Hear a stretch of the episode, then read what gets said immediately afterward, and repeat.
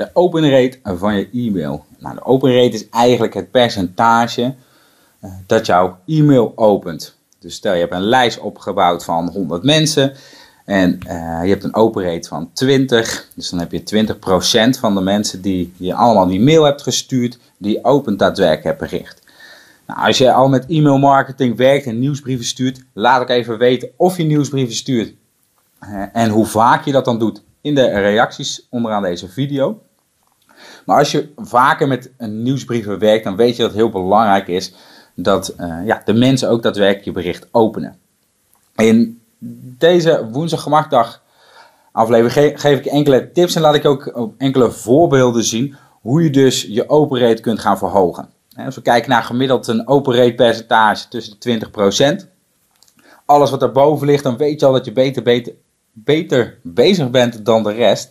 Nou, ik laat je voorbeelden zien waar zelfs uh, tot de 40, 46 procent open rate is. Dus de helft van de mensen die jij die nieuwsbrief stuurt, die open daadwerkelijk het bericht. Kijken we naar je e-mail marketing, dan is het allereerst belangrijk dat je continu jouw lijst opruimt.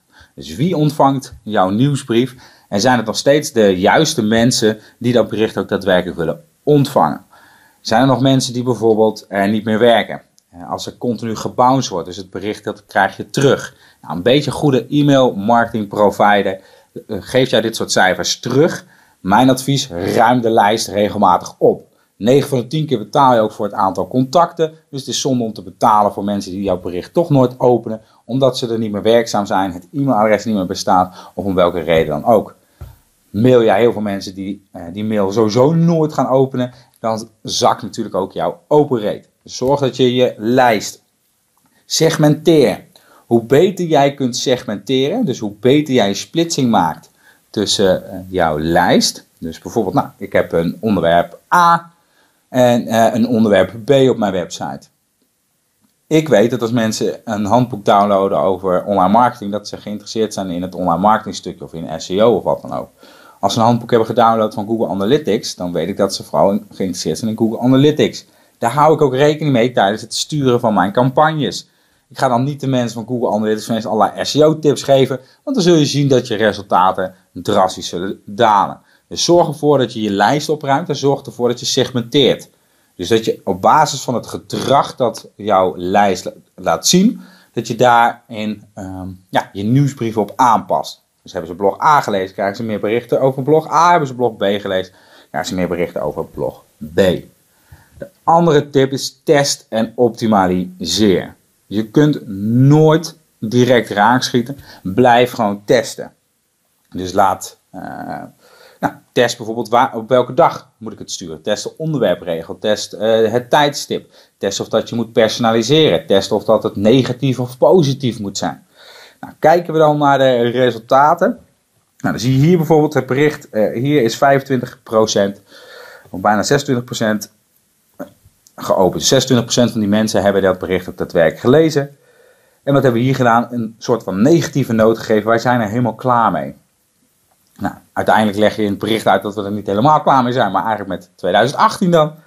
Dus we zagen al dat door het een beetje een negatieve tint mee te geven, mensen heel erg nieuwsgierig worden en dat bericht openen. Zorg dat je bij je lijst, en zo werken wij ook met de testen, eigenlijk een klein deel van je lijst, nou hoe groter je lijst is, hoe groter het testlijstje kunt maken. Wij sturen dit bericht bijvoorbeeld naar een x aantal duizend contacten. Merken we welk bericht het beste werkt, en dan gaat het naar de grote lijst. Dus werk eventueel ook met twee lijsten. Een ander voorbeeld. 26%. Dus je ziet alweer dat we aan het stijgen zijn. Hier geven we heel exact één kleine aanpassing, 19,7% meer omzet. Zorg dat je in je onderwerpsregel direct het resultaat toont en het liefst ook zo exact mogelijk. Als ik zeg vier SEO-tips in mijn onderwerpregel, of met deze vier SEO-tips stegen wij in drie weken tijd 83 posities, ik noem maar wat. Dus hoe specifieker, hoe interessanter het natuurlijk wordt. Een ander voorbeeld. Hier zitten we al op de 29% wat zagen we hier? Ik heb voor jou de handigste en bijna gratis online marketing tools. Iedereen is fan van tools. En zeker in onze branche worden heel veel tools en software gebruikt. Nou, dat wisten we. Dus we hebben gekeken van, kunnen we daar niet een leuke lijst of verzameling van maken van alle uh, online marketing tools die wij gebruiken of die we aanraden. Nou, je ziet ook dat 29% van heel de lijst dit bericht daadwerkelijk opent. Hier stijgen we al naar de 38%. Ik begrijp jou niet als onderwerpregel. Enorm krachtige onderwerpregel. Als ik een mailtje krijg uh, van, uh, en dan ook nog het liefst op jouw persoonlijke titel, dus niet uh, je bedrijfsnaam, maar dan liever jouw persoonlijke naam, en met ik begrijp jou niet, gehyped dat ik dat bericht ga openen. Want het voelt raar, wat, wat heb ik nu weer verkeerd gedaan? Hier komen we op een gegeven moment al op de 40%. Het leesvoer voor dit weekend met een knipoog. Als jij mij dit onderwerpsregel had uh, gegeven, dan had ik gezegd, nou, je kunt het een keer proberen, maar ik verwacht er geen grote, hoge resultaten van. We hebben het een keer gewoon getest. Het was gewoon een lukraak mailtje. Even twee minuten. Ik denk, nou, klein uh, campagnetje eruit voor dit weekend. En wap, 40% uh, opende dat bericht. Blijf dus alles testen. Ik kan een grote mond hebben. Mijn collega's of blogjes die je leest van oh, dit gaat hartstikke goed werken. De enige die altijd de waarheid spreekt zijn de cijfers. Dus zorg dat je die cijfers inzichtelijk maakt. Zorg dat je ook test en zorg dat je daarvan leert. Hoe vaker en hoe langer je dus ook met nieuwsbrieven werkt, dus met e-mailmarketing, hoe meer data je gaat verzamelen en hoe beter je in de gaten krijgt wat het beste werkt voor jouw lijst. Een ander bericht, wat natuurlijk heel goed werkt, hier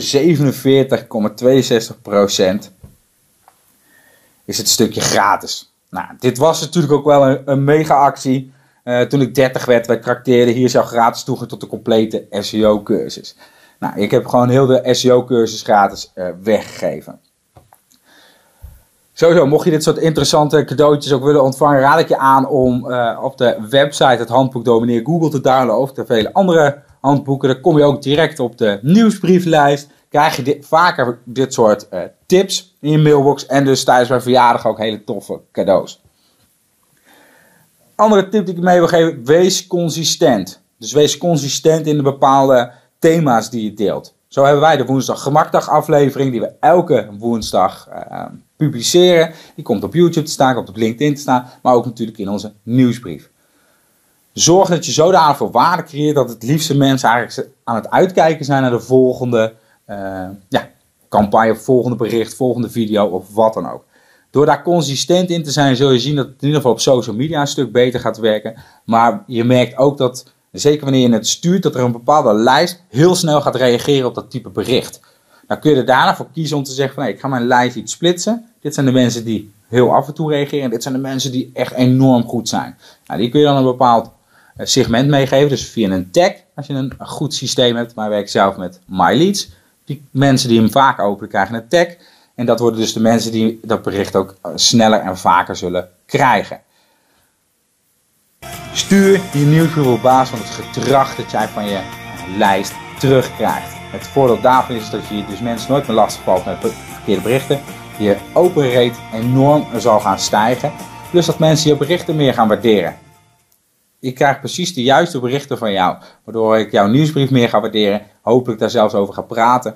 Eh, waardoor je dus ook nog weer meer inschrijven krijgt.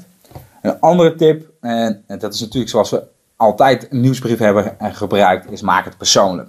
Probeer zoveel mogelijk data te verzamelen en gegevens van jouw gebruiker. Gebruik sowieso zijn voornaam, test daarmee. Gebruik zijn voornaam en achternaam, test daarmee. Kijk of dat je uh, site tracking kunt gebruiken. Dus dat je ziet van, uh, nou, je hebt het handboek Domineer Google gelezen. op bladzijde 23 staat vooral een gouden tip. Sebastian, ik ben even benieuwd hoe jij deze tip in de praktijk hebt gebracht. Dus maak er een soort van persoonlijke gesprek van. Hoe persoonlijker jij wordt, hoe leuker het is om jouw nieuwsbrief te ontvangen en hoe meer ja, het ook opgepakt zal worden. Zorg dus ook dat je het persoonlijk stuurt. Dus niet te veel met opmaken, want dan lijkt het echt op een nieuwsbrief en een, een verkoopcampagne, maar hou het persoonlijk. Nou, dit zijn tips. Ga daarmee testen. Ik weet zeker dat als je dit vaker gaat testen en dus ook daadwerkelijk in de praktijk gaat toepassen, dat ook jouw open rate gaat stijgen. Mocht je vragen hebben, opmerkingen of suggesties hebben voor de volgende woensdag gemaakdag, of het interessant vindt om dit soort video's vaak te ontvangen, abonneer en reageer. En dan zie ik je bij de volgende aflevering.